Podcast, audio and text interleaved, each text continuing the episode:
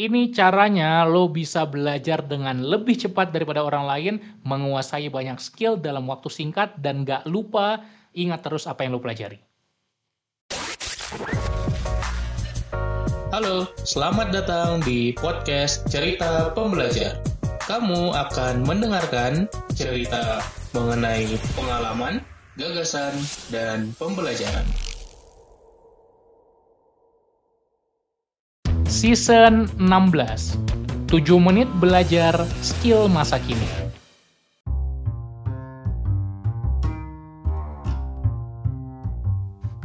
Halo Sobat Pembelajar, sebagaimana namanya lo adalah seorang pembelajar, orang yang terus belajar hal baru.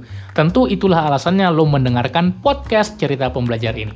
Welcome back to season 16 dan gue akan selalu membagikan skill-skill baru di season ini. Semoga bermanfaat dan lo bisa belajar banyak hal. Tapi ketika kita belajar banyak hal, tentu kita perlu mengupgrade juga kapasitas otak kita, kemampuan kita dalam belajar.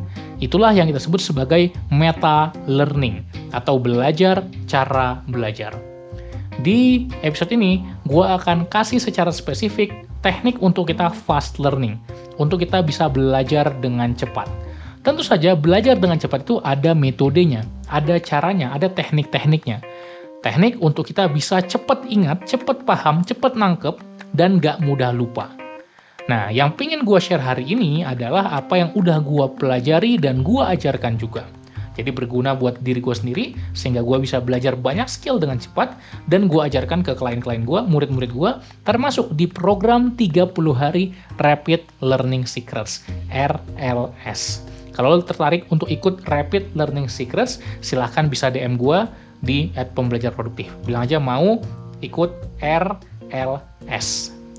Rapid Learning Secrets adalah sebuah program di mana yang banyak orang nggak tahu ya skillnya ya dan gue agak heran juga kenapa kita nggak diajarkan ini di sekolah. Yaitu meta learning.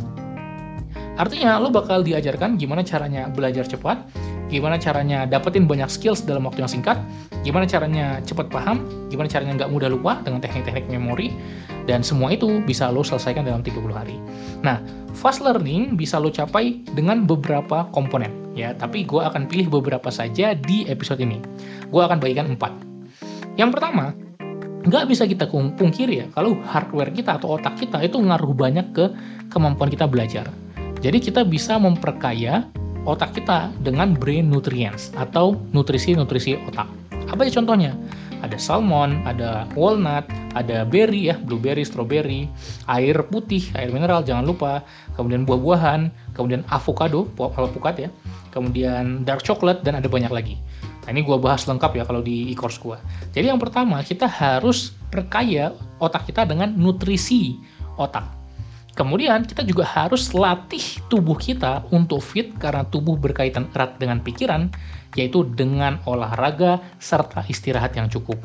Banyak sekali orang mau belajar pagi-pagi, dini hari belajar, tapi akhirnya nggak masuk juga, nggak nangkep juga, nggak worse juga. Kenapa? Karena tidurnya nggak cukup.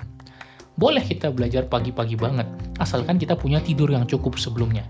Ingat, cukup ini secara kuantitas dan kualitas.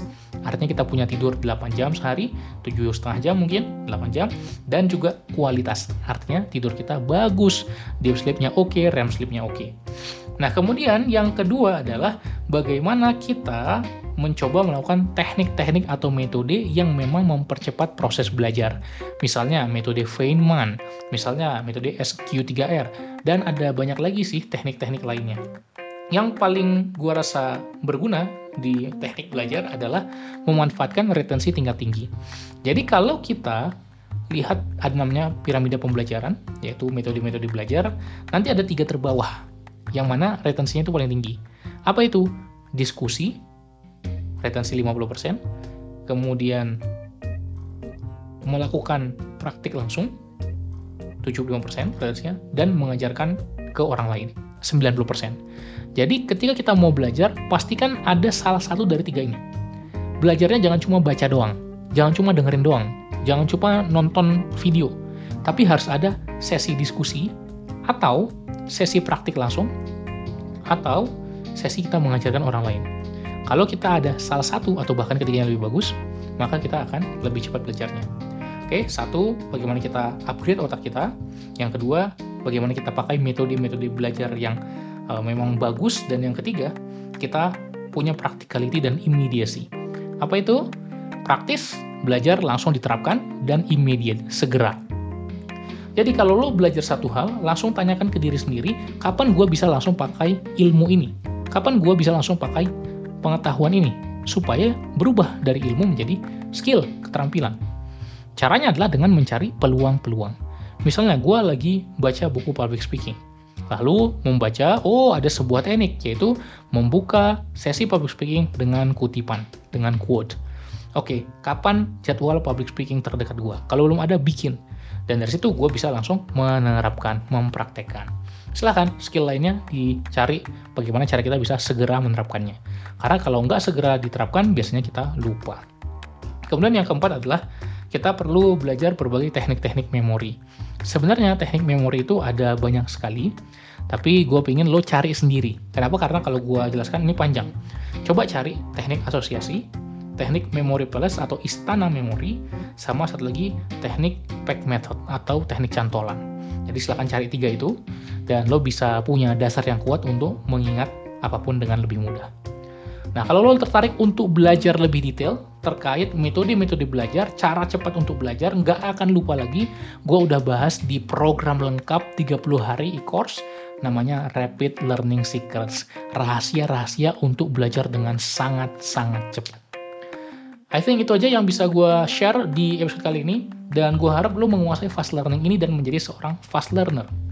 Kenapa?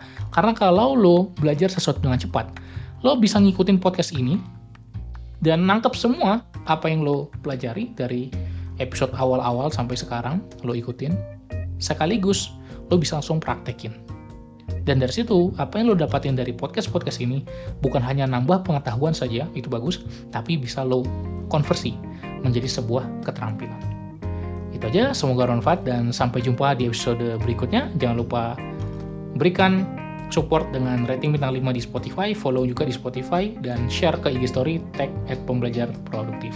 See you, salam pembelajar.